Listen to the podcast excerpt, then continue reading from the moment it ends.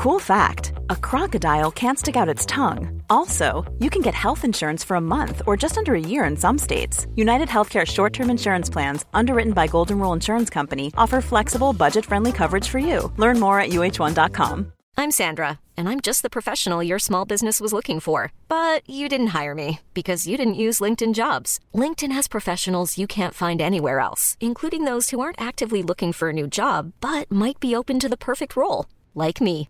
In a given month, over 70% of LinkedIn users don't visit other leading job sites. So if you're not looking on LinkedIn, you'll miss out on great candidates like Sandra. Start hiring professionals like a professional. Post your free job on linkedin.com/achieve today.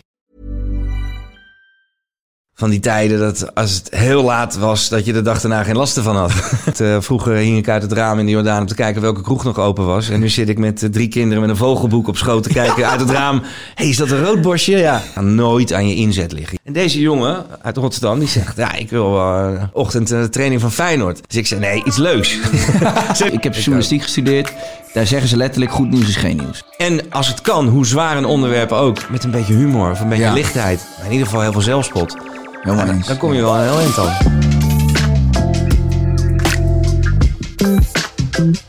Welkom bij Even Relativeren de podcast. En deze keer met Johnny de Mol. En nou vragen mijn eh, kijkers slash luisteraars wel eens... ja, je moet je mensen introduceren en je gaat eraan voorbij. Ga ik bij jou gewoon niet doen. De meesten kennen je en, eh, en anders gaan ze je nu leren kennen. Johnny, je zegt net, vlak voordat we live gaan... zeg je van hoe oud ben jij? Ik zeg 30, je zegt lekker Oh, man. lekker man, 30 jaar. Ja. ja.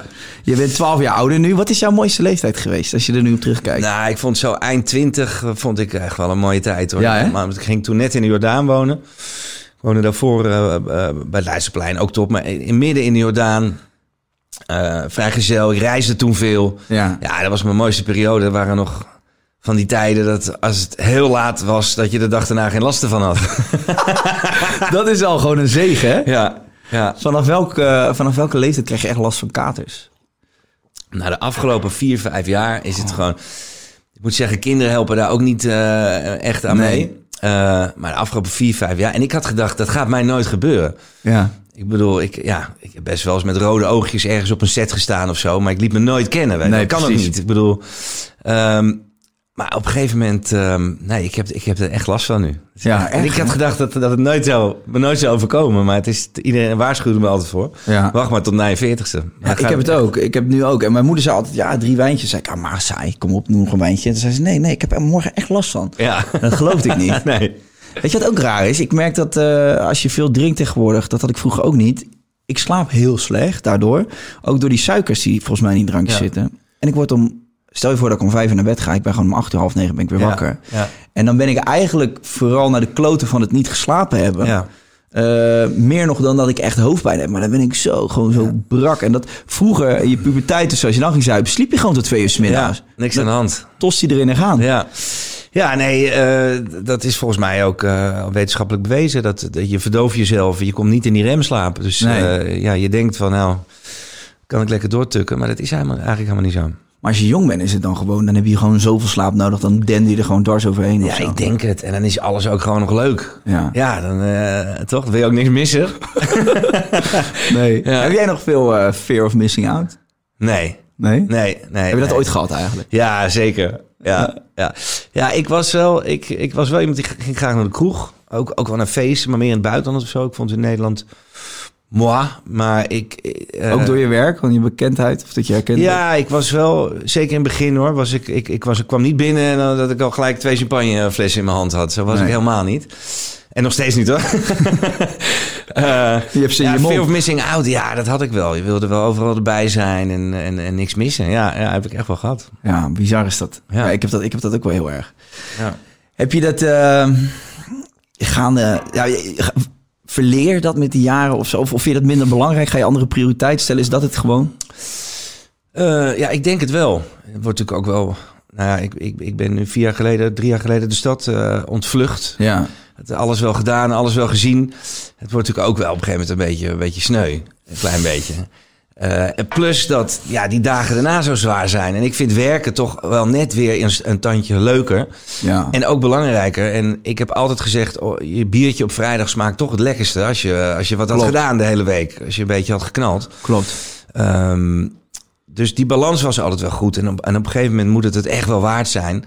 En dan is het ook wel weer heel cliché. Ja, hoe minder je doet, hoe leuker die avonden dan ook weer zijn. Ja, Ja. ja. Dus Nee, ik zeker nog steeds wel af en toe een avondje kaarten of eh, met vrienden. En ja, dat hoeft niet eens heel laat te worden, maar dan is dat een beetje je uitlaten. Ja. Ja. Ja. je gaat de nachtclubs inruilen voor eh gezellige avondjes met goede gesprekken en een drankje. Ja, ja, ik zei ook wel eens in mijn theatershow, eh, gekscherend. eh, vroeger hing ik uit het raam in de Jordaan om te kijken welke kroeg nog open was. En nu zit ik met drie kinderen met een vogelboek op schoot te kijken uit het raam. hey, is dat een roodborstje? Ja. Ja, het is wel, eh, de tijden zijn wel veranderd. Stadsvogels te bekijken. Ja. ja. Wanneer word je nou eigenlijk volwassen, denk je? Want ik vind dat ook altijd zo'n mooi onderwerp. Ja, als je 18 bent of als je 21 bent. Maar ik heb wel eens zitten terugdenken aan hoe ik dan was toen ik 18 was ten opzichte van nu. En ja, ik, ik, natuurlijk, je wordt volwassener, verstandiger. Je krijgt meer verantwoordelijkheidsgevoel. Maar zeg maar, in mijn kopje ben ik voor mijn gevoel helemaal niet zo heel veel veranderd. Nee. Snap wat ik bedoel? Ja, ja, nee, dat heb ik precies hetzelfde. Ja. Behalve dat je het dus fysiek merkt. Ja. Maar, nou ja, ik heb nu, mijn, mijn oudste zoon is, is, is drie. En die schaamt zich nergens voor. Die, die, en die zegt ook alles. En, en soms ook hele gevoelige dingen. En soms hele ongevoelige dingen. En op een gegeven moment kom je op een leeftijd. Dan, dan krijg je een soort besef. Hè, wat, wat, wat wel oké is of niet oké is. Ja. En dat verlies je op een gegeven moment. Als je dat kan behouden, een soort kinderlijke nieuwsgierigheid in, in dingen, in mensen. eh, ja, dat, dat heb ik toch altijd wel hoog in het vaandel staan. Ja. Eh, hetzelfde geldt voor als je dingen niet begrijpt of zo. Is vroeger toch altijd in de klas, eh, als, als er wat werd uitgelegd, begrijpt iedereen het? Iedereen ja. En dan zei ja, ik snap het niet. En dan werd je aangekeken van sukkel, je snapt het Ja. niet. En ik zei, ja, jij bent een sukkel. Dat je niet Want vraagt. ja, ja. En dat, dat heb ik eigenlijk nog steeds wel met dingen. Dat mensen toch, toch vaak eh, ja, iets voor lief aannemen of zeggen, ik snap het wel. Of. En ik, ik vind het nog steeds niet lastig om, om te zeggen, ja, ik begrijp het gewoon niet. Kan je me nog Ja. één keer uitleggen in Jip en Janneke taal? Ja. Dus dat is ook een soort kinderlijk iets, denk ik, waar, waar, waar, wat je moet koesteren. Ehm, maar ook die nieuwsgierigheid, dat is toch het mooiste wat er is. Dat je gewoon Absoluut. vragen stelt aan mensen. Hoe zit dat? Of leg me dat eens uit. Ja, dat vind ik altijd wel... eh, maar echt het volwassenen, ja. Ja, ik denk toch ook wel weer als je, als je kinderen krijgt... dat is toch wel een moment dat je denkt... oké, nou moet het Ja. toch wel even scherp blijven. En ik heb ook heus wel eens met een, met een slok te veel op die fles gegeven. Ik dacht, ja, dit is het. Dit is gewoon zo kansloos. Ja.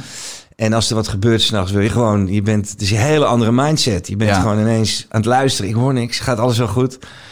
Ja, dat is wel, dat is wel een game changer, is dat, hè? Ja. Ja. Maar ja, normaal draag je alleen verantwoordelijkheid voor jezelf. En als je dan denkt, ja, als ik op mijn kloten ga, dan mag ik het zelf oplossen. Maar Ja. nu heeft dat indirect effect op je kinderen, op je vrouw, op alles wat je, Ja. wat je bij je draagt. Ja, en het grappige is, ik bedoel, eh laat me eerlijk zijn, ik heb niet heel veel te klagen gehad eh, in mijn leven, maar eh, wel veel meegemaakt, veel gereisd, scheiding en alles. En, en nu dat je kinderen hebt, wil je eigenlijk de weg plaveien met kussens. Ja. Dat, ze, dat ze niet, en als ze vallen, dat ze zacht vallen. Ja. Maar aan de andere kant, je bent zelf, eh, heb je alleen maar geleerd door echt hard op je bek te gaan. Ja. En dat vind ik nog wel een, eh, een gekke. eh, wat doe je nou? Weet je wel? La- Laat je ze gaan zonder helm, bij wijze van spreken. Of begeleid je ze zo goed mogelijk? Dat, dat vind ik wel lastig. Snap ik. Ja. Dat is een goed onderwerp. Want ik heb de- dat, dat gesprek had ik laatst ook met mijn broer. Omdat vuurwerk bijvoorbeeld vroeger. Ik Ja. was gek op vuurwerk. Ja. Ik denk ieder jongetje wel van een jaar of eh 12, 13. En dan gingen wij met al die gasten gingen we vuurwerk afsteken op Oudjaarsdag. Ja. De helft kwam natuurlijk uit België en Polen en eh, noem het allemaal op. Ja. En dan stond je gewoon elkaar eh, te bekogelen met nitraten. En Ja. dan stond je met van die Romeinse kaars op elkaar te In elkaars gezichten. En dat je gewoon denkt, nu denk ik van holy shit, als mijn kind dat later gaat doen. Ik denk dat ik de hele dag inderdaad met een bouwhelm Ja. op Oudjaarsdag met Ja. ze meeloop. maar dat is dan toch goed gegaan. Misschien ook wel een beetje geluk. Maar inderdaad, in hoeverre, want ja, wat, hoe is- oud is jouw oudste nu? Ja, die is drie. Die is net drie geworden. Ehm, maar ja, ik, kijk, het belangrijkste vind ik als je gewoon ergens komt dat je even gedag zegt. Weet Ja. je wel? Of, of netjes dankjewel natuurlijk. Dan zit ik wel eens op de fiets en dan zeg ik mensen gedag. En dan vraagt hij, ken je die mevrouw? Dan zeg ik nee, maar die zeg ik gewoon gedag. Ja. Ja, dat vindt hij natuurlijk spannend. Maar dan leg ik hem uit. Ja, maar moet je eens kijken wat er gebeurt als je het wel doet. Ja. En dan doet hij dat. En natuurlijk zwaait iedereen terug. Ja. Ja, dat zijn van die kleine dingen. Maar dat vind ik wel gaaf om, om te merken dat hij dat nu al, al probeert en, en durft. Ehm, maar ja, wat is spannend. Ja, eh, weet je, Johnny is heel voorzichtig. Die kleine vender, die is één. Ja. En die loopt op de bank. Je weet, hij gaat vallen nu. Ja. Nou ja, sommige kinderen vallen één keer. En dan denk je, dan leren ze het wel. Vender niet. Maar ja, wat doe je dan? Maar laat je hem ook dan bewust wel eens vallen? Want ja, dat eigenlijk laat ik gewoon vallen. Ja, precies. Eigen schuld. Ja. Ja. ja. Ja, maar die, ja, die, die blijft dat maar doen en die blijft maar klimmen. Ik denk, ja, op een gegeven moment zal hij het wel, wel leren. Die ga, ik, nee, die ga ik dan toch geen helmpje omdoen of, eh, of, of extra kussens neerleggen. Nee, eigenlijk niet, nee, nu het zegt. Maar, ja, maar ik, ja, het is wel lastig, want je wordt misschien de hele tijd... Oh nee, nee, doe maar niet, doe maar niet. Maar dan krijg je van die... Van die, van Ja, ja het is daar een goede middenweg eh, in vinden. Maar ja, wat ik al zei, ik vind het echt belangrijk dat als ze ergens binnenkomen, dat ze gedag zeggen of dat ze weet je, bedanken. Nog een eh, bonusdochter van, van zeven, die is natuurlijk de perfecte moeder. En die, ja, die, doet dat, die doet dat heel netjes. En ik merk dat ik dat heel fijn vind als ze dat doen. Als ze Ja. ergens weggaan en ze bedankt voor het spelen. Weet je, dat soort dingetjes. Die Ja. kleine vind ik wel belangrijk. Ja. Mooi. Ja. Hey, en hoe, hoe was jij in je puberteit? Ehm, Als je daar nu eens op terugkijkt. Ja. Nou, ik heb tot mijn 16 in België gewoond. En daar was gewoon niet zo heel veel te doen. Als je dan ergens naar een feest wilde, dan moest je de bus pakken. Die kwam één keer in het uur, maar er stond niet bij hoe laat, weet je wel. Eh, ja, heel alternatief was ik. Ja? Ja, ik zat in een beentje en ik ging eh, al wel naar, naar, naar festivals en zo. Heel alternatief. Eh, ja, hoe was ik? Ik was een beetje, beetje op mezelf in België, maar het was ook niet zo'n niet zo'n fijne tijd. En toen Nee. eh, ging mijn moeder met eh, mijn stiefvader uit elkaar. En toen kwam ik eigenlijk pas voor het eerst in Nederland. Ja. En toen kwam ik dus in de Bussum op school in het Gooi. ja. Maar met, met die lange haren en die geruite broeken en dat altijd. Dat, ja, Had je ook een wel- Belgisch accent toen? Nee. Nee? Nou, ik had het wel met mijn Belgische vrienden. Maar ik pakte het heel snel over met wie ik dan, dan ben. Nee, ik had gewoon een Nederlands accent. Maar Ja. ik had dus eigenlijk niet zoveel meegekregen van de bekendheid van mijn familie, van een Hmm. Linda. Of, eh, en heel alternatief eh, op de, op de Gooise Kakschool. Dus ik paste daar eigenlijk niet zo goed tussen. Nee. Maar, Maar weet, je, weet je daarop aangekeken dat, dat, je, dat, je, dat je familie bekend was in Nederland? Eh, Ja, ongetwijfeld. Maar ik, ik was er gewoon nooit zo mee bezig. En je, je, je, je neigt dan toch eh, met mensen om te gaan die daar ook niet zo, eh, Nee. zo mee bezig zijn. Dat worden dan je vrienden. ja. Maar, eh, en, en altijd wel een dikke huid ook. Dus dat boeide me nooit zo. Nee, Nee. Ik vond het, vond het eerder wel iets om trots om te zijn dan om me daarvoor eh, te schamen. Heb je, heb je, als je nu terugkijkt, want ik die vraag eigenlijk, ben benieuwd hoe je dan straks met je kinderen, als ze die puberteit ingaan, want nu zitten ze natuurlijk op die leeftijd dat je ook nog heel erg eh, verzorgend kan zijn, maar er komt een leeftijd dat ze het niet meer toestaan. En zeggen ze, pa, donderstraal even lekker op. Ja, En als je dan te, te verzorgend bent, dan heb je nog vaak de kans dat ze verder van je weggaan. ja precies, ja. Eh, heb, heb, je, heb, jij, heb jij een wilde tijd gehad toen je puber was? Of kwam dat eigenlijk pas later in, de, in, je, in je twintige jaren? Ehm, nou, ik werd wel redelijk ko- kort gehouden hoor. Dat was maar goed ook. Ja. Ja, mijn stiefvader was een, een Deen, een eh, ex-voetballer. Søren Lerby super streng, maar ook heel liefdevol. ja. Ehm, ja, ik mocht heel veel als je, als je er maar eerlijk over was. Maar nee, het is, het, het is pas heftig geworden een beetje daarna. Toen ik naar Amsterdam ging op mijn achttiende. Toen is het wel, eh, heb ik wel mooie, mooie jaren gehad. Ehm, maar ik hoop gewoon dat, dat je eigen kinderen, dat wat ze ook uitvreten, dat je zo'n goede band met, met ze hebt, dat ze als eerste naar jou toe komen. Dat Ja. zou ik echt een hele. Dat je overal open en eerlijk. eh, en wat het dan ook is, en soms is het misschien niet leuk om te horen. Maar dat zou ik wel een hele eh, ehm, achievement vinden als Ja. dat lukt. Dat Ja. ze gewoon, wat ze ook hebben geflikt, ze in de penarie zitten. Dat ze bellen, pap, ik moet je even als eerste bellen, want dit en dit is aan de hand. Maar dat, is, dat denk ik het grootste compliment ook wat je kindje onbewust kan geven, Ja, toch? klopt. Klopt. En dan als je dat alles eerlijk en open bespreekt over van alles en nog wat, dan, eh, dan is dat denk ik wel een eerste goede, goede stap. Ja, ja zeker. Ik was eh, vrienden van mij, die, eh, die zijn wat ouder, die hebben ook kinderen. En die zijn in de leeftijd van 15, 16. Dus die komen in die fase natuurlijk dat ze alles willen gaan uitproberen. Ja, En eh, die dochter wilde een, wilde een blootje roken. En die vrienden van haar, die waren dat allemaal aan het doen. En toen belde zij dus naar die vrienden van mij, dus de ouders, Ja. haar ouders op. Van, ja, zit die allemaal te blowen? En ik wilde het eigenlijk heel graag. ja. Maar ik wil het eigenlijk doen waar jullie bij zijn. Dus ik ga het nu dan niet doen, maar vind ik het wel leuk als ik dat dan een keer bij jullie mag doen. Ja. dat hebben ze ook gedaan. En ik vond dat Ja, eigenlijk heel eigenlijk- mooi om ja, te zien. Ja, klopt. Eens. Want zij zei, ook, zij zei ook gewoon, ja, maar ik wil ook gewoon met jullie kunnen bespreken wat ik dan voel en wat ik dan denk. Maar dat, dat komt voort uit hoe zij haar hebben opgevoed. Ja, absoluut. Dus dat is wel heel tof. Open Ja. en vrij. En dan kan je wel denken van, ja, ja, de kind van 16 eh, een blootje laten roken. Maar op het moment dat je het niet doet als ouder Ja. en je gaat zeggen, nee, het mag niet, gaan ze het toch doen. Ja. En stel je voor dat ze dan heel slecht gaat erop. Of eh, ze voelt zich naar. Gaat ze dat opkroppen? Gaat ze dat thuis niet vertellen? Ga je dat met een vriendin bespreken? Gaat het misschien helemaal de andere kant op? Ja. Nee, dat zou ik eh, wel heel awkward vinden, denk ik. Als, als Johnny mij belt Ja. een blootje. Vooral als je dat op deze leeftijd doet. Hey pa, leuk op die fiets heel de tijd met jou. Maar ik heb wiet gehaald bij de boerderij. Ja. Plus dat het hele softdrugs nooit zo mijn ding is geweest ook nog. Nee, nee. Maar eh, eh, ja, wel mooi als ze, als ze daar eerlijk mee komen. Met dat soort dingen. Of met andere dingen, vriendjes. Of iets geflikt hebben. Of kattenkwaad. Of, of nog erger. Ja, dat is toch mooi als ze dan bij jou komen. Ja. Ja. Denk je er wel eens over na, over dat ze dadelijk in die puberteit zitten? Of, of leef je zo in het moment als je kinderen hebt, dat je daar nog niet... Nou, daar denk je wel eens over na, maar dan gaat het niet zozeer over dat soort dingen hoor. Want als, als dat zeg maar, lukt wat je hoopt, dat ze bij jou toekomen. Ik, ik, ik maak me meer zorgen om uh, uh, dat, hij, dat hij wel snapt dat van niks de zon op gaat, weet je wel. Dat, uh... I'm Sandra, and I'm just the professional your small business was looking for. But you didn't hire me because you didn't use LinkedIn jobs. LinkedIn has professionals you can't find anywhere else, including those who aren't actively looking for a new job, but might be open to the perfect role, like me. In a given month, over 70% of LinkedIn users don't visit other leading job sites. So if you're not looking on LinkedIn, you'll miss out on great candidates like Sandra. Start hiring professionals like a professional. Post your free job on linkedin.com slash achieve today. Ja, hij was nu jarig. Ja, als je dan die, die cadeaus ziet...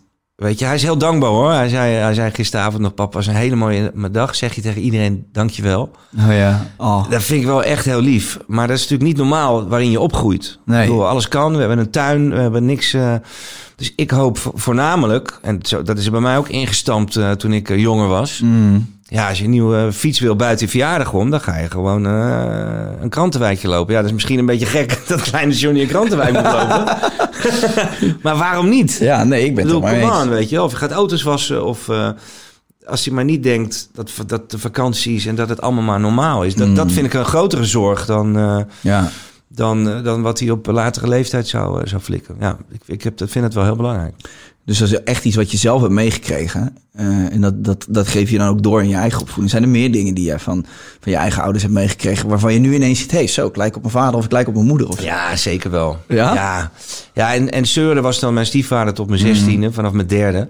En daarna ben ik pas eigenlijk voor het eerst bij mijn pa gaan wonen. Maar die lijken ook heel erg op elkaar. Die gingen Ja? ook goed met elkaar, ja, ja. Dat waren ook vrienden. Nou, die konden goed met elkaar. Die konden goed met elkaar. Maar Søren en, en Willeke die trouwden toen ik twee of drie was. En Søren ging toen in Bayern München spelen. Ja. Dus dat was wel moeilijk voor mijn pa. Maar die heeft echt gezegd van, nou, ik vertrouw Søren. Dat is een goede vent. En die was En toen, ook... toen hij bij Bayern München speelde, woonde jullie in België? Nee, in, eh, in München. Oh, daar heb je ook nog gewoond? Ja, hebben we ook nog gewoond. Ja. Ja. Ja, En nog een tijdje in Frankrijk, toen hij bij Monaco speelde. Ehm, maar die, die, die, die lijken wel op elkaar. Eh, ehm, ja, Eh, niet zeiken, knallen. Søren was ook een voetballer, met, die, die speelde zonder scheenbeschermers. Die, die stroopte zijn mouwen altijd op en die...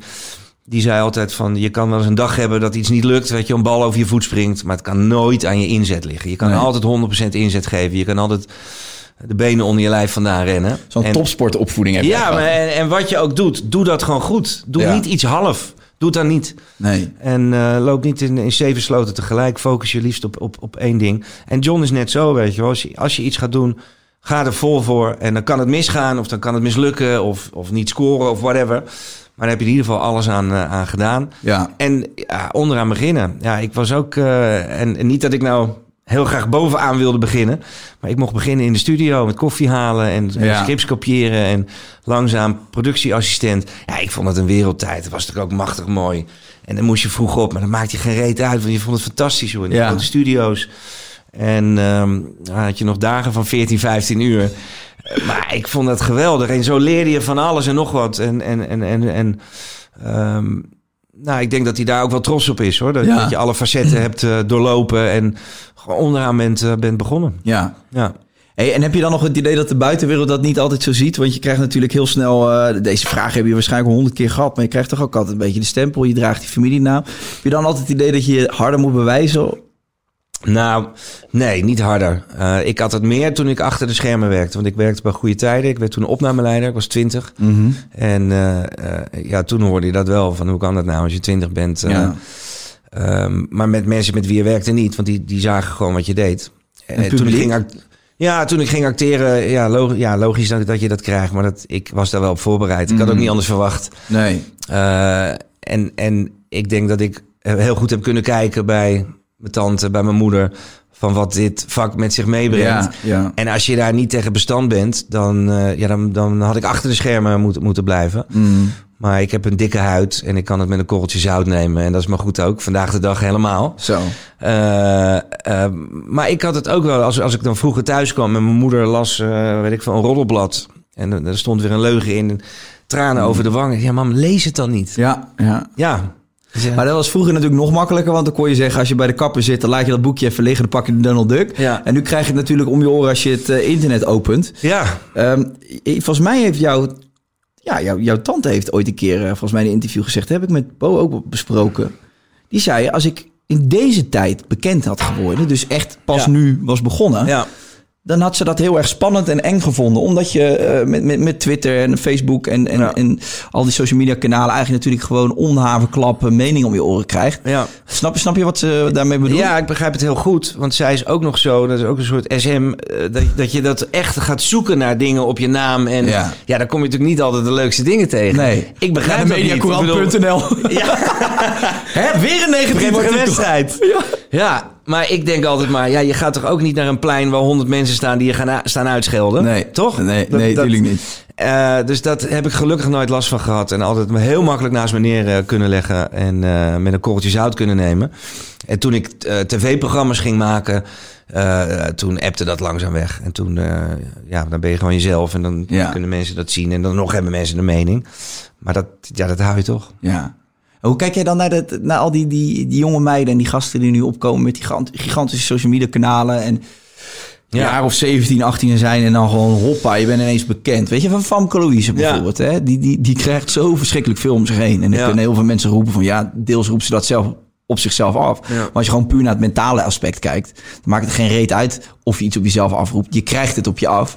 En geloof mij nou maar, al die jongens en meisjes van 18 en 19 die ineens heel veel bekendheid krijgen, die zijn helemaal niet op voorbereid. Die hebben Nee. geen idee waar ze in stappen. Nee, klopt. Hoe kijk jij daarnaar, van, van, van, ook met jouw ervaring uit het eh, vak van bekend zijn? Nou, ik vind het heel lastig, want eh, social media en, en Instagram eh, heeft natuurlijk ook heel erg meegespeeld bij het bouwen van een carrière. En bij je, je, je clips en je, je mening te, te ventileren. Ehm, en dat is dan ook nog gelijk het platform waar, waar je er zo op van langs krijgt. Ja. Dus dat is heel, heel dubbel en heel, en heel lastig. Ik vind het heel moeilijk om daar wat over te zeggen. Ik, ik was zelf echt een van de laatste met Facebook en Instagram. Ja. Ik was ook een van de eerste die er, eh, die er eh, weer een beetje van afging. Ik Waarvoor een- stopte je ermee? Het was niks voor jou. Ik vond het een soort Groundhog Day. Mhm. Ik denk, hè, maar deze post heb ik toch al een keer gezien. En dit verhaal ken ik toch al. En Ja. dat die dat heeft gegeten, snap ik nu toch wel. en natuurlijk worden ook heel veel goede dingen mee gedaan voor goede doelen. Ehm, maar ik werd er een beetje... Ja, ik, ik, ja, het is ook maar lastig om je erin te onderscheiden. Alles was wel een keer gedaan. Dus ja, ik heb wel een management die dan, als er een programma komt, wat, wat post. En, ehm, Jij doet niet je eigen Instagram. Nee, nee. Nee. Eh, dus ik vind het heel lastig. Ja, ik, ik hoop gewoon dat ze, ja, dat ze het ook met een korreltje zout kunnen nemen. Ja. Ehm, eh, en ik hoop dat er een periode komt dat het helemaal niet meer zo belangrijk wordt, dat Ja. social media. Eh, Ja. Je hebt ook een theater gestaan, toch? Ja. ja. Hoe vond je dat? Ja, ik vond het fantastisch. Ja. Doodeng. Het is het allerengste wat ik ooit gedaan heb. ja. Omdat Heb je, het was voor corona net, toch? Ja. Heb je, wel, heb je veel gespeeld? 45 shows heb ik gedaan. Ja. Ja, ja, ik ben op 10 januari had ik mijn laatste voorstelling. Ja.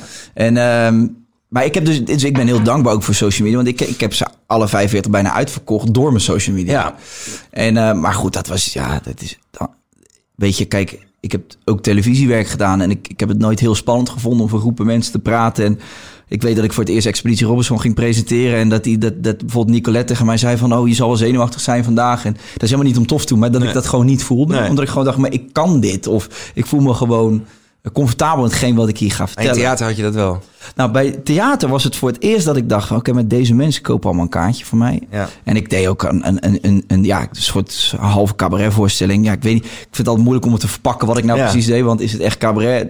Weet ik niet. Is ook niet echt stand-up. Maar het was gewoon in ieder geval een verhaal wat ik vertelde. En wel de bedoeling dat mensen ook gingen lachen. Ja. Wel over mijn eigen leven. Ja. Maar ja, dat was wel een dingetje, weet je. Ja. En dan stond ik in, eh, ja, ik kom dan uit Rotterdam gereden met mijn autootje in mijn eentje. En dan kwam ik in Emma aan. Ja. Dan zat er gewoon duizend man die een Ja. kaartje had gekocht. En dan hoorde je het geroezemoes. En liep ik het podium op. Ja. Ja, die eerste twee minuten. En waarom wilde je dat doen dan? Ehm, nou, ik heb eigenlijk ooit een keer meegedaan aan een televisieprogramma. Dat heette Celebrity Stand-Up. Oh ja. Voor Comedy Central. Ja. en toen heb ik dat gedaan. En mijn eh, toenmalige, die regisseur ervan, dat was Menno, eh, Menno Stam. En die, Die zei van, je hebt echt talent hiervoor, weet je. Je hebt dat zo goed gedaan. Ik had een paar keer met hem gerepeteerd en Ja. ik kreeg het publiek best wel goed mee. Hij zei, je moet hier iets mee gaan doen. Ja.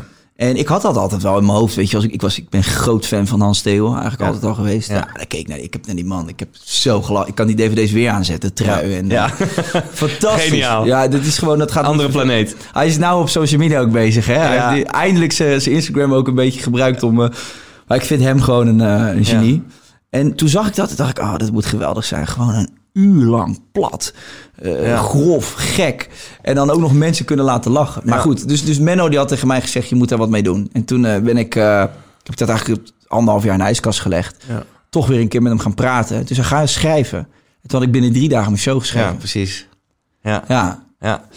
En, en, en toen, en toen try-outs gedaan. En toen, toen dacht Ja. ik, kijk, dit is te gek. Nou, dat is wel, ik vind het wel een goede tendens hoor. Dat eh, ook, ook eh, Van Colies volgens mij ook in theater gestaan. Toch? Het is toch een andere tak van sport. Ja. En dat, natuurlijk doe je liedjes, maar je moet toch met verhaaltjes tussendoor vertellen. ja. En het is een directe eh, reactie. Maar eigenlijk met een podcast en het theater. En verder houdt het op qua waar je een beetje nuance kan brengen in Ja, een ja, verhaal. ja. Hè, ik weet niet of het is opgevallen. We hadden het daarvoor ook even erover. Ehm, eh, alle nieuws-sites die maken natuurlijk, die pikken iets uit een interview. Of die blazen iets op. Of, Mhm. of wat iemand zelfs getwitterd heeft, wordt soms overgenomen. Klopt. Maar je hoort zelden, eh, nou, wat er nu wordt verteld in die theatershow. Of heb je dat gehoord in die podcast? Omdat dat plekken zijn waar je nog eens een verhaal even van een, met een kop en een staart kan vertellen. Ja. Met een beetje nuance. Zeker. Tenminste, ik ja, volg niet heel veel nieuws, maar ik heb niet het idee dat er ineens ergens iets staat van je moet nu even wat daar is verteld, omdat alles heel erg genuanceerd wordt. Ja. Daar is ruimte voor. En gelukkig eh, eh, eh, hebben, hebben luisteraars dat ook en hebben mensen dat ook, vinden dat ook lekker om eventjes met wat rust een verhaal aan te horen. Zeker. Dat vind ik wel een goede, goede ontwikkeling. Nee, ik zie bijvoorbeeld bij, bij Bo of Jinek zie ik dan wel eens iemand aanschuiven. Van ik denk, oh leuk, ik ben benieuwd naar dat verhaal. Ja, En dan dat gehaast. En je ziet ook dat iedereen die aan tafel zit, is Ja. gewoon een soort van ja, verkrachte versie van zijn verhaal aan het Ja. pre- presenteren. Omdat je weet dat je maar vijf minuten hebt. ja. En dan komt Peter R. de Vries weer. eh. en nee, maar Ja. weet je, het is, Nee, het, klopt. is het, je, want je hebt gewoon niet de tijd. Ik heb Nee. ook wel eens bij Bo gezeten. Nee, en als je dan niet de tijd krijgt, dan voel je toch, als het een gevoelig onderwerp is, ga je toch op je woorden letten. ja, En dan kom je gewoon niet lekker uit de verf. klopt. Hey, wat is het mooiste wat je, wat je gedaan hebt? Is dat, eh, is dat nu theater? Ja, ik vond het theater wel verademing. Ik had wel eerder in theater gestaan, maar met eh, toneelstukken, zeg maar echt acteren. Maar ik vond dit, eh, ik vond dit zo gaaf. Ja. Ik, ik, wij gingen 2015 naar, eh, naar Lesbos, naar Griekenland. Toen was die vluchtelingenstroom daar. Er waren ook beelden van het jongetje. Die was aangespoeld op onze Europese stranden. We zouden naar Ibiza gaan. We dachten, nou, we kunnen niet in diezelfde zee waar dode kinderen aanspoelen. Dus we hebben een clubje vrienden daarheen. En helemaal gegrepen door wat daar gebeurde, weet je wel. Die, die bootjes die daar aankwamen. Eh, toen met vrienden die muziekfestivals geven. Met, eh, eh, van Loveland, Marnix Bal. Gezegd, luister, er is daar een parkeerplaats. Er staan twee oude tenten. Jullie hebben tenten, jullie hebben sanitair, jullie hebben hekken. Jullie weten hoe je omgaat met de verloop van mensen. Ja, precies, ja. Mensen op de vierkante meter, kunnen jullie helpen? Nou, we hebben met drie vrachtwagens daarheen. Tentenkamp neergezet. eh, Weet je, en dan wordt het ook ineens rock'n'roll. En dan gaat het hele geitenwolle sokken hulpverlening er ook een beetje ja, vanaf. ja. Ehm, maar wij deden dat allemaal een beetje onder de radar. Wel eens wat gepost of zo. Ja. Want het is een gevoelig onderwerp. Mhm. En ik had nog niet die tone of voice gevonden van... hoe moet ik dat nou... Weet je wel, hoe moet ik dat nou gaan, gaan vertellen? Want ja, je wordt meteen eh, ondergesneeuwd. ja. Hij heeft een paar jaar geduurd. Echt vijf jaar op en neer geweest daar. Echt mooie dingen gedaan. Ehm, en toen dacht ik, dat is theater. Dat is de plek waar, weet je, waar, waar dat kan. En ik deed wel eens lezingen op scholen van, eh, van vrijwilligers. Die vroegen, kan je bij ons op school dan even wat komen vertellen op de universiteit? En dan begon ik eigenlijk steeds met hetzelfde verhaal. Dat was Oudejaarsavond 2015, 2016. En we stonden dan s'nachts op die stranden. Want daar kwamen die bootjes aan. Ehm, het was super koud die avond, min 4. Dus we hadden kampvuurtjes gemaakt. Auto's eh, naar de zee, dus zodat je kon, kon seinen als je een bootje zag. Ja, je wilde ja. dat bootjes op een bepaalde plek naar binnen halen. Want eh, daar waren rotsen, eh, daar was het tij hoog.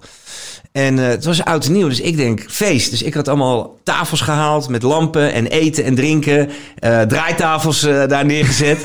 ik denk, ja, is voor hun ook oud en nieuw, toch? Ja. En ehm, eh, ik was aan het DJ'en en ik had een plaatje opgezet van Justin Bieber. En er komt een bootje aan. Nou, die hadden we binnen geseind.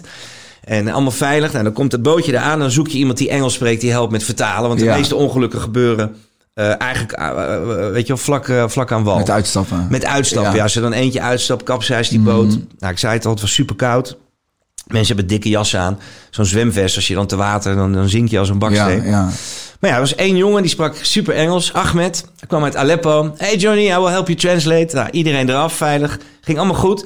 En ik loop met hem zo richting die lampen en die tafels en die muziek. En hij zegt, ja, dit is toch echt fantastisch. Thank you for this warm welcome. Hij zegt, uh, but one question. Can you please turn off that shitty music? hij zegt, anders gaan we meteen terug naar de oorlog. Fucking Justin Bieber. En ja, als je dat verhaal vertelt, dan vertel je ondertussen wel dat het koud is, dat het penibel is, dat het Ja, gevaarlijk ja. is. Maar je geeft zo iemand meteen een gezicht. Ja. En dat hij humor heeft. En, en, en, en weet je wel, en je, en je bent vertrokken. En dat kan natuurlijk in het theater kan het perfect. Er komen Ja. foto's van die avond, dat we daar feestjes stonden te bouwen. Maar ja, het is wel iets heel ernstigs ondertussen wat je vertelt. Ja, en dat zijn wel een beetje eigenlijk in al mijn programma's wel de, de drie pijlers, weet je wel. Iets moet vanuit je hart komen. Dus je moet het zelf hebben meegemaakt. Je moet zelf tot je, tot je knie in de klei eh, hebben gestaan. Eh, het moet zonder belerende vinger. Daar hou ik zelf ook niet van. Als iemand mij gaat vertellen hoe ik iets moet doen of wat ik moet doen. En als het kan, hoe zwaar een onderwerp ook, met een beetje humor of een beetje Ja. lichtheid. Maar in ieder geval heel veel zelfspot. Helemaal Ja, dan, eens. dan kom je wel een heel eind al. Ja. Ja. Maar dat, dat, dat sausje waar je het nu over hebt, dat is- zit ook in al je programma's. Dat klopt. Ja. Dat Ja. krijg je als kijker heel erg mee. En ik denk dat dat ook heel erg aanslaat. Omdat eh, misschien ook wel heel veel dingen op tv veel te serieus worden gebracht. En bij jou is het altijd van, je kunt een serieus onderwerp met iemand bespreken, maar het mag ook afgesloten worden met een lach. Ja. En dat, geeft, dat, dat, dat is eigenlijk de circle of life of zo. Ja. Je, je moet kunnen praten en je hebt vanuit jezelf die intrinsieke interesse in alles wat bestaat en leeft. En- Ja, nou ja, zelfs in een programma als eh, eh, De Reis van Je Leven... waarin we op reis gingen met mensen die ongeneeslijk ziek zijn... en hun beste vrienden. Vroegen mensen, heavy hè? Zeg je, ik ga met iemand op reis en zijn vier, vijf beste vrienden. Ja. Dat is in eerste instantie heel veel lol en heel leuk. En natuurlijk zijn er die twee, drie pijnlijke gesprekken. Maar dat hoort er toch bij. En het ligt ook zo dicht bij elkaar. Hè, want nou ja, dat zou je ook wel herkennen als je iemand bent verloren... en of dat nou een verre vriend of een oma is of iemand heel dichtbij. Je zit te jenken en Mm. dan vertelt iemand een grap van weet je nog? En je ligt helemaal blauw. En vijf minuten later, eh, ja, weet je wel, weer de tranen in je ogen. Dat Klopt. ligt ook heel dicht bij elkaar. Dat ligt heel dicht bij elkaar. Dat is bij, vaak bij een begrafenis heb je dat, hè? Dat Ja, kan het ook. eh, en, en eh, ja, mensen willen daar vaak een beetje weg van blijven. En ik vind het juist mooi om juist daar eh, dat- te benoemen en, daar, en daarop in te gaan. Krijg je hele mooie gesprekken. Absoluut. Ja.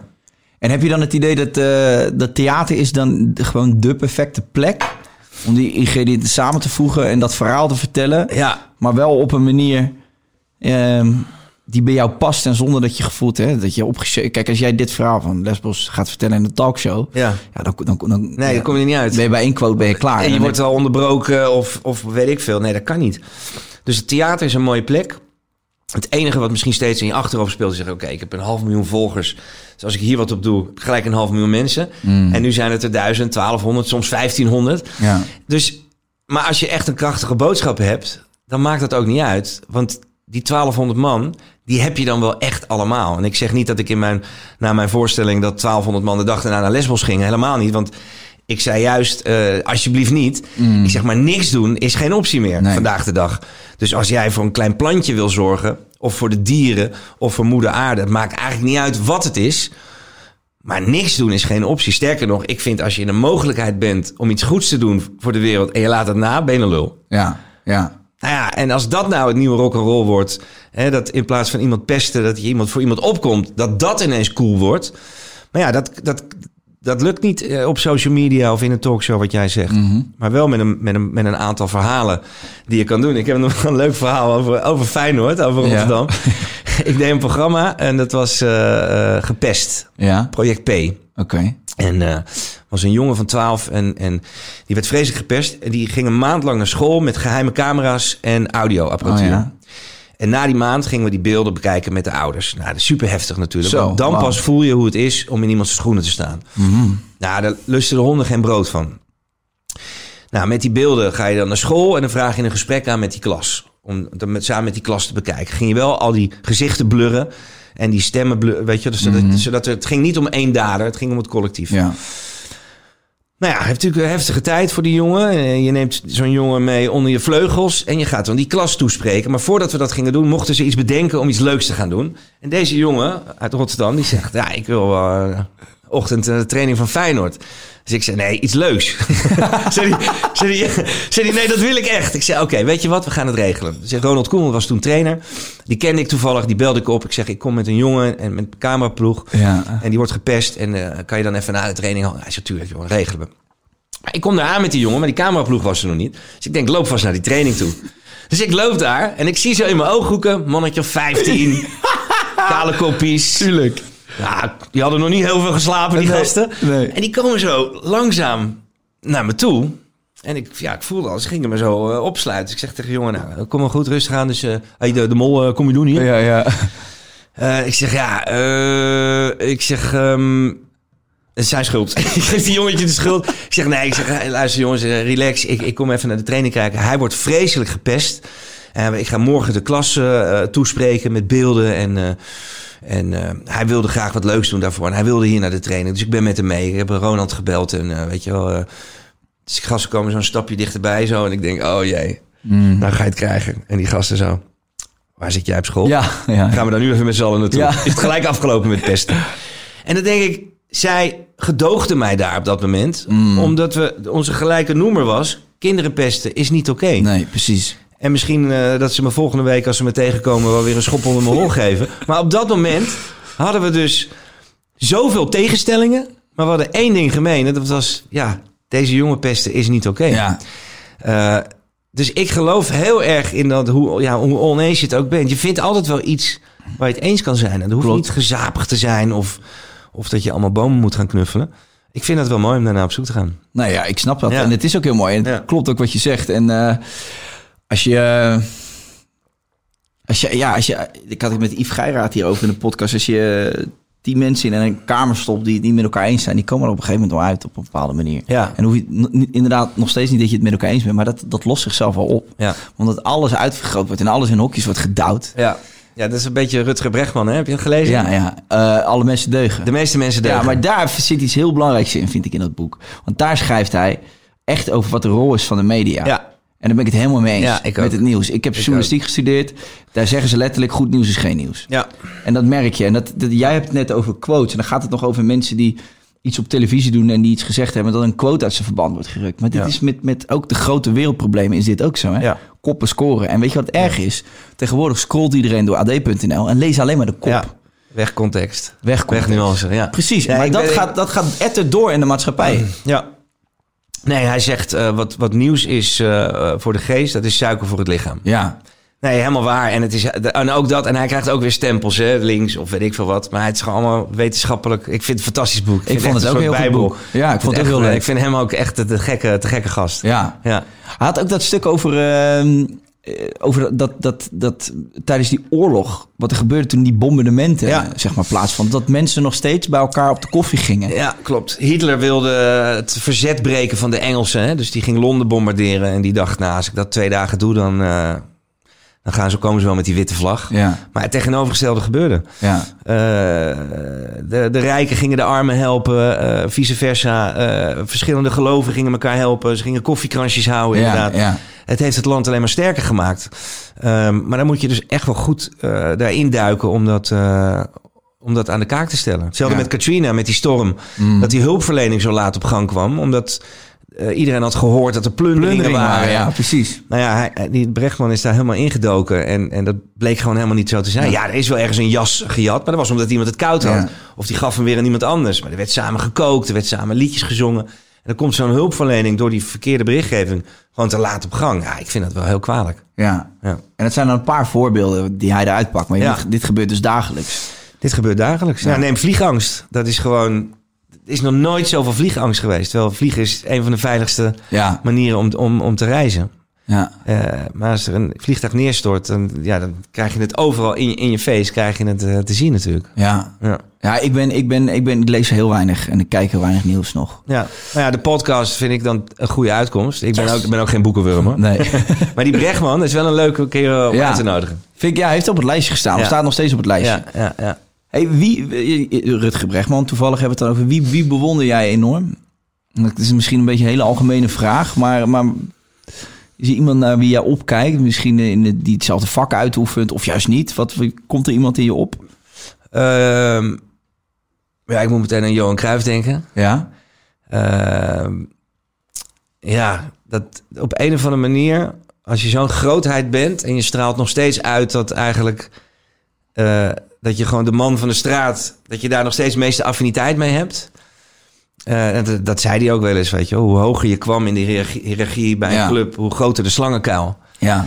Eh, en als je dan van die verhalen hoort dat hij over straat liep door Barcelona en dan twee stratenmakers zag en dan voorbij liep en dan toch even terugliep en zei: Dat doe je niet goed, vriend.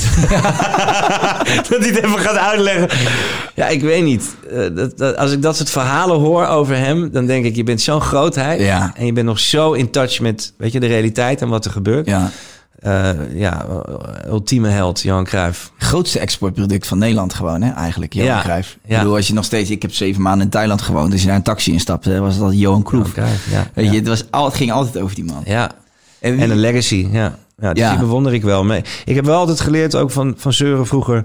bewonderen is goed. Kijk nooit op iemand neer, maar die spreekt misschien van zich. Kijk, maar kijk ook nooit tegen iemand op. Mm, En, eh, en dat vind ik wel een beetje in, het, in datzelfde rijtje van als je ergens komt... weet je, wel altijd wel, wel netjes. En nou, kijk, kijk, op, kijk op niemand neer, weet je, wat diegene ook doet. Maar kijk ook niet tegen iemand op. Bewonder wel, maar niet tegen iemand opkijken. Nee. Dat is natuurlijk ook wel in deze wereld wat, eh, wat iets te veel gebeurt. klopt. Ja, Wat ook weer gecreëerd wordt door die constant toevoer Ja. van social media. Maar goed, we gaan niet te lang. eh, Nee. social media heeft ook super veel mooie dingen. Voordat mensen weer zeggen: Ja, maar Kai, jij, eh, jij met je Facebook-kanaal en eh, je Instagram-kanaal. ja. Hey, ehm, heb je die documentaire wel eens gezien van Bob Marley? Nee. ja, van zijn weggetje. Ja. Ik moet daar aan denken. Nee, ik zat er toevallig was ik er laatst aan begonnen. En ehm, ik heb hem elke keer als ik nu Netflix aandoe, dan zie ik verder kijken. Maar dat was echt drie minuten. Ja, maar Ja. je bent gestopt omdat je het pakte je niet. Nee, of- ik, eh, ik, was al wel een kind begonnen met huilen. of, eh, nee, maar ik wil hem heel graag zien. Ah, moet je afkijken, man. Ja, Fantastisch. Ja, ik moest aan denken, omdat jij dat zegt. Bob Marley stond ook echt... Ik vond het Ja. zo magisch. Er zit dus een- een moment in dat hij... eh, je hebt dus twee politieke eh, stromingen op dat moment in Jamaica... die echt gewoon lijnrecht tegenover elkaar staan. Ja. En die dus echt eh, schietpartijen op straat. En hij gaat op een gegeven moment... Hij is Jamaica een beetje zat. Er gebeurt ook van alles. Hij laat iedereen in, in zijn huis. En er komen ook allemaal criminelen. En er gebeurt van alles. En op een gegeven moment ontvlucht hij Jamaica. En dan gaat hij in Londen. Volgens mij gaat hij in Londen toeren. En dan is hij echt een paar maanden weg. En dan breekt volledig de pleuris uit in Jamaica. ja, En dan vragen ze hem, "Maar je- moet terugkomen. ja. Je, moet- je, je moet dit land gaan redden. Ja. Een muzikant, hè, moet je nagaan. Jij moet terugkomen naar Jamaica en jij moet zorgen dat de mensen weer met elkaar omgaan. En eh, dan doen ze een vredesconcert. En dan, dan, dan staat Ja, ja, hij op te treden. Dat is, ja, die beelden zijn bekend. Ja, en dan trekt hij dus die twee mensen, die twee van die politieke partijen, trekt hij dan op dat podium. Oh, wauw. Dan pakt hij die handen zo beet en dan doet hij die handen zo bij elkaar. Ja. Ah, dat is kippenvel. ja, dat kan je niet van tevoren bedenken hè, dat je dat zo gaat doen. Nee, maar dat is dan, dan komt alles, de synergie, energie, dat is zo Oh, ongelooflijk ik heb, knap. krijg gelijk zin in om te kijken straks. Ja. Dan moet je echt kijken, maar ik moet, omdat jij Johan Cruijff zegt Ja. en hij stond dicht bij het volk. Ja. Dat is als je Bob Marley man, dat Maar ik was zie hem ook meteen eh, dat hem wordt gevraagd in een interview van ben je rijk? Ja. En dat hij dan zegt, ja rijk, we- wat, is, wat is rijkdom, weet je wel? Die patiënten op de bank of, of eh, weet je wel, echte vrienden. Of, eh, dat, Ja. dat moet ik ook aan dat moment dan steeds denken. ja, Ja, is stof. Je moet hem, je moet hem kijken die documentaire. Ja. Ik denk dat je hem vet gaat dat ga ik zeker doen. Ja, Hey, eh, jouw, jouw programma Waar is de Mol? Eh, het lijkt mij fantastisch om te doen. ja. Ik denk dat je daar enorm veel plezier aan hebt beleefd. ja zeker. Want als je het dan hebt over eh, interesse in de mens, daar komt al- ook alles samen altijd in dat programma. Ja. Plus dat je ook nog op hele toffe locaties bent. Ja, Is dat, is, is, is dat het ja dat was een geniale vondst van mij om dat programma te bedenken. Ik heb er wel eens over nagedacht. Ja, hoe, je, hoe je dat gaat pitchen bij Ja, dat was in een. Ja, dat was. Dat is echt alweer 15 jaar geleden of zo. Maar nou, 12 jaar, 13 jaar geleden. Ja, wat was het? Ik, ik, ik deed toen TMF en iemand vroeg: wat, wat zou je willen doen? Ik zeg ja, met human interest en reizen. Een beetje jackass was toen net. Gekke dingen doen. Eh, Weet je wel, parachute springen, bungee jumpen, dat soort. eh, maar ondertussen wel mooie verhalen halen. Nou, ik, ik werd toen eh, gezet bij een eindredactrice, Andrea, waar ik tot op de dag van vandaag mee werk. En dat was echt een kei in de vak. Gewoon voorgesprekken van 3,5 uur met de gast, alles uittypen. En ik was natuurlijk een, een losse vlodder, maar samen was dat een goed team. En dan gingen we op reis. En ja, fantastisch. Een droombaan. Wat zijn de, de reizen die het meeste bij zijn gebleven? Poeh. Eh, ik heb wel een legendarische reis gehad met Ben Saunders in Thailand. Ja. Dat is wel... eh, ja. Heerlijk die- combo ook, die- zeg. ja. Ben en Johnny in Thailand. Nou, ik, heb, ik heb er nog een, een tatoeage van een tuk-tuk hier op mijn enkel staan. Met het en petje fijn van... naar je reet. Ja, ook. Nou, echt waar. Ik zweer het je. Maar daar hebben we één nacht gehad. Daar was de hangover echt eh, kindergarten eh, bij. Ja, dat geloof ik. Ja, maar eh, ja, ik vond Zuid-Amerika altijd te gek. Die- zeker die tochten door de Amazone op een bootje. Dat, dan was ik helemaal in mijn element Ja. altijd. Daar ben ik ook nog wel eens privé teruggegaan later. Ja, Australië was te gek. Ja, het is te veel om op te noemen. Met wie ben je naar hebben- Australië geweest? Jeroen van Koningsbrugge. Oh ja, Ja, lachen. ja. Nee, we hebben iets van 80 reizen gemaakt of zo. Niet normaal. Ja, ja, ja. En die van Johan Derksen, die is mij wel bijgebleven. Ja, in Amerika. Die tatoeage ging zetten. Ja, ja hij wilde zijn haar niet eh, laten, laten knippen. Oh ja, dat was het. Ja, dat was een soort eh, weddenschap. Dus hij zegt, dan laat ik nog liever een tatoeage zitten. Ik zeg, nou, moet je eens kijken wat hier om de hoek... eh en toen heeft hij de naam van zijn vrouw eh, getatoeëerd. Ja, ja, dat was tof. Maar wat, dat, dat is ook omdat jouw eh, eind, of, je eindredactrice toen het zei, Astrid, waar je dit over had, Andrea. Andrea, ja. die, die, die zorgde gewoon dat tot op dat moment ook gewoon een tatoeageshop in de buurt was. Nou ja, we waren toevallig in zo'n... ehm, Zo'n, zo'n in Texas, in, in een town. En die, die, die had dat al. Ja, die had huiswerk al gemaakt, inderdaad. Zo van als hij nou dat haar niet wil laten knippen, wat, wat zou hij dan eh, doen? Goud zeg. Ja, ja. Mooi. ja Derksen. Dat is nou wel een kleurrijk persoon, hè? Die nog wel gewoon Ja, klopt. zegt waar het voor staat. Hoef je niet met hem eens te zijn. Nee. Maar dat, die beginnen wel te verdwijnen hoor, dat soort, eh, dat soort mensen. En, en nogmaals, het is op het randje en soms te over. Maar ja, hij zegt het wel. Ja. Hij doet het wel. Maar ik denk dat hij, hij is ook gewoon op een leeftijd waarvan hij denkt, joh, Ja. het interesseert me Ja, ook geen precies. kut meer. Nou, je me toch het laatste jaar van de televisie. Ja. Toch? Ja. Ik denk ook en dat hij, kijkt ook geen nieuws. Hij heeft zo'n oude Nokia-telefoon. Heeft Ja. hij. En, en eh hij interesseert hem echt geen reet. Gaat hij daar naar het rookhoek zitten in, eh, Ja. in, in Grollo. Ja.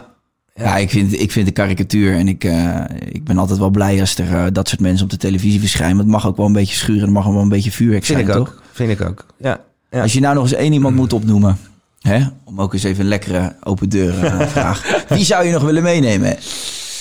Oh, ehm, Je hebt 80 reizen gemaakt, je hebt er wel een Ja. hoop gehad natuurlijk. eh, nou, Anouk stond altijd wel op het lijstje, maar die... eh, Ja, hebben er veel afgezegd eigenlijk. Nee, nee, nee, nee. Tot aan Duitse toe eh, zijn ze, Ja. ze zijn allemaal mee, eh, mee geweest. Nee, Anouk, die, die wilde nooit. Die, eh, die, die vond dat allemaal maar niks. Die had ik nog wel tof gevonden. Die, Maar die hield gewoon niet van reizen. Of die had gewoon zoiets Ja, van... die heeft natuurlijk ook eh, 26 kinderen, geloof ik. Ja. Dus die, die dus was die, druk. eh, die was te druk. Wie nog meer? Ja, ehm, Dennis Bergkamp. ja? Ja, dat is hier. maar ja die wil nergens naartoe vliegen. Ja, is- die heeft vliegangst die natuurlijk. vliegangst. Ja, joh, dat kan ik me nog wel herinneren van vroeger. Dus die heb ik nog wel eh, gevraagd toen we het laatste seizoen hebben in Nederland gedaan. Ook door corona, maar dat was sowieso het plan. Om dat, ehm, om dat in Nederland te doen. Toen dacht ik van, nou, dit is het moment. Maar hij, hij, wel echt, eh, hij doet gewoon niks. Nee, Maar dat is gewoon zo'n held. Hij woont bij mijn dorp. Ik zie hem wel eens lopen met zijn hondje. En dan, ja. hoi Dennis. Ja, van een held, joh. Zeg, hij, zegt wel, hij zegt wel hoi terug. Hij zegt wel hoi terug. Ja, ja, ja. Ja, ja, ja. Dus is het is niet eh, dat hij dan eh heel gesprek aanknoopt. Maar ik, ja, wat een koning. Ik had Robin van Persie hier in de podcast, wat mijn jeugdheld was, Ja. is. En eh, die vertelde over Bergkamp toen hij net bij Arsenal kwam. Ja. Hij zei, het is een ongekend fenomeen. Ja, ja, ja. Zo tof om te Ja, horen. een wereldgoos ook, Robin. Mooie, mooie kerel. Ja, hij is een hele leuke kerel. Zo Ja. grappig. ja. Ja. Hey, ehm, tot slot. ja, En dan eh, gaan we de boel afbouwen hier. Eh, afbreken. afbreken, afbouwen, alles. Even gewoon over het EK. Want ik weet dat je voetbalgek bent. Ja. Ik ook. Het komt deze zomer. Ja, Ehm, ik, noem eens, doe eens een voorspelling. Gewoon ja. ouderwets. nou, ik, ik was gisteren eh, was ik een van de 7.500 gelukkigen dat ik in de arena mocht zitten. Ja. En ehm, ik ga dan vaak met, met Ron Blauw en ik zeg, god, dat EK, dat leeft helemaal nog niet. En dat komt natuurlijk ook door de periode waarin we zitten. Hè, mensen hebben wel wat anders aan hun hoofd. Dan is voetbal natuurlijk ook wel een mooie uitlaatklep. Hè? Ik bedoel, gisteren was de eerste bal die de scheidsrechter tegen Ajax vloog. Iedereen helemaal uit zijn naad aan het gaan tegen die scheidsrechter. Volle stadion. Daarna ging Lekker, zitten man. en zei... Ja, dat heb ik gewoon een jaar niet kunnen doen. Tuurlijk, man. Dat, dat doe je thuis nu, weet je wel. Ja, dat is Ja, en je hebt de verschillende speelsteden. Dus ik zit er nog niet helemaal lekker in. Maar zodra dat straks, weet je wel, een beetje gaat spelen... en, en de spelers worden opgeroepen... dan gaat het natuurlijk wel weer Ik wil leven. die volle stadions zien. Maar met dat Ja. EK, man. Als iedereen gewoon in oranje verkleed gaat... en gewoon hoppa die straat op. Ja, ik, ik heb echt waar... Ik heb eh, met, met Nederlands elftal... Ik heb zoveel mooie verhalen. Dan ergens proberen te komen via via en vliegen. En dan, Ja. en dan verliezen, weet je wel. En dan op een vliegveld je vlucht vertraagt. En dan tot zeven uur op, de, op zo'n grond. Maar het maakt allemaal niet uit. Je gaat toch de volgende keer weer. Ja. Eh, eh, dat is er wel een klein beetje vanaf. Maar ik, wat heb ik mooie dingen meegemaakt, zeg, met Nederlands elftal. Ja. Dus ik, het moet nog een beetje gaan leven. Het leeft bij mij nog niet helemaal, het EK. En het is ook gewoon een hoop gezeik geweest natuurlijk met van alles en nog wat. Maar gaan ze nou wel of zonder eh, support? Gaan ze nou met of zonder supporters spelen? Want nee, UEFA had heel stoer gezegd, wat ik heel fijn vond. Van ja, we nee, ze gaan met, maar niet geen volle bak nog. Nee? Geen volle bak. Nee, nee, nee. nee en Amsterdam, nou, dat, daarom zijn ze dat nu aan het testen. Ik geloof dat München bijna afviel omdat ze dat niet wilden. En die hebben nu toch weer iets geregeld dat ze ook die testen, die testen gaan doen. Die, eh, wat is het, eh, Field Lab gebeuren. Ja. Maar ik, bij mij leeft het nog niet. Maar dat, dat, gaat, dat komt wel hoor. Ja, ik denk, wel. ik denk wel dat dat als het dadelijk lekker weer wordt. Ja. Er is enorm veel behoefte naar zoiets als dit. Ja, want dat, dat is natuurlijk... Ik zeg altijd dat en een concert. Ja. Daar staat iedereen zij aan zij. Maakt niet uit waar je vandaan komt. Wat je werk is, of je achtergrond, of je geloof. Iedereen pakt elkaar vast als er wordt gescoord. Het is even hè? een, even een tien seconden dat alles helemaal geen flikker meer uitmaakt. Nee, mooi. Ja. Laten we hopen dat het een mooie zomer wordt. Ja. En eh, laten we hopen op een eh, succesvolle afronding van het EK. Hey, eh, Johnny, je gaat zelf ook een podcast beginnen. Toch? Dat was het. Of is dat Ja, ja, nou, daar ben ik al een tijdje mee bezig, ja. Maar eigenlijk precies... ja, je kan er nog niks over zeggen nu. Nou ja, wel. Het, is, het, het, eh, het, het duurt even, maar het, heeft, het heeft niet zoveel nodig, zie ik. Hij kwam vandaag alleen puur om even te checken hoe makkelijk het allemaal is. Hij ziet die cameraman zijn. en Nou ja, dat kan Ja. ik zelf wel. En eh, ik ga mezelf ook gewoon interviewen. ik spring over die tafel heen. Ja. Nee, ik zou mooi zijn als dat... eh, ja, ik zou dat wel heel graag willen. Maar, maar puur voor die nuance en voor de... eh, maar ik wist niet dat het zo groot was en dat iedereen het deed. En, en, maar dat boeit me niet. Ik, ik wil het heel... ik, ik lijkt mij heel tof. Ja. Leuk. Oké, top. Dus eh, kom Nou. je ook een keer bij mij. Zeker, lijkt me heel gezellig. Ik ga het in de gaten houden. En eh, bedankt voor je komst en openheid. Ja, graag gedaan. Jullie bedankt voor het kijken slash luisteren. En ik zou zeggen tot de volgende keer. Oh ja, en mijn cameraman zegt mij altijd...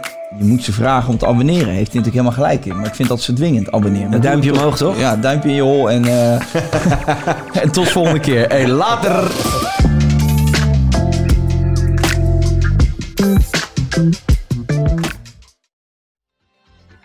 Weet je waar ik zo'n tyfushekel aan heb?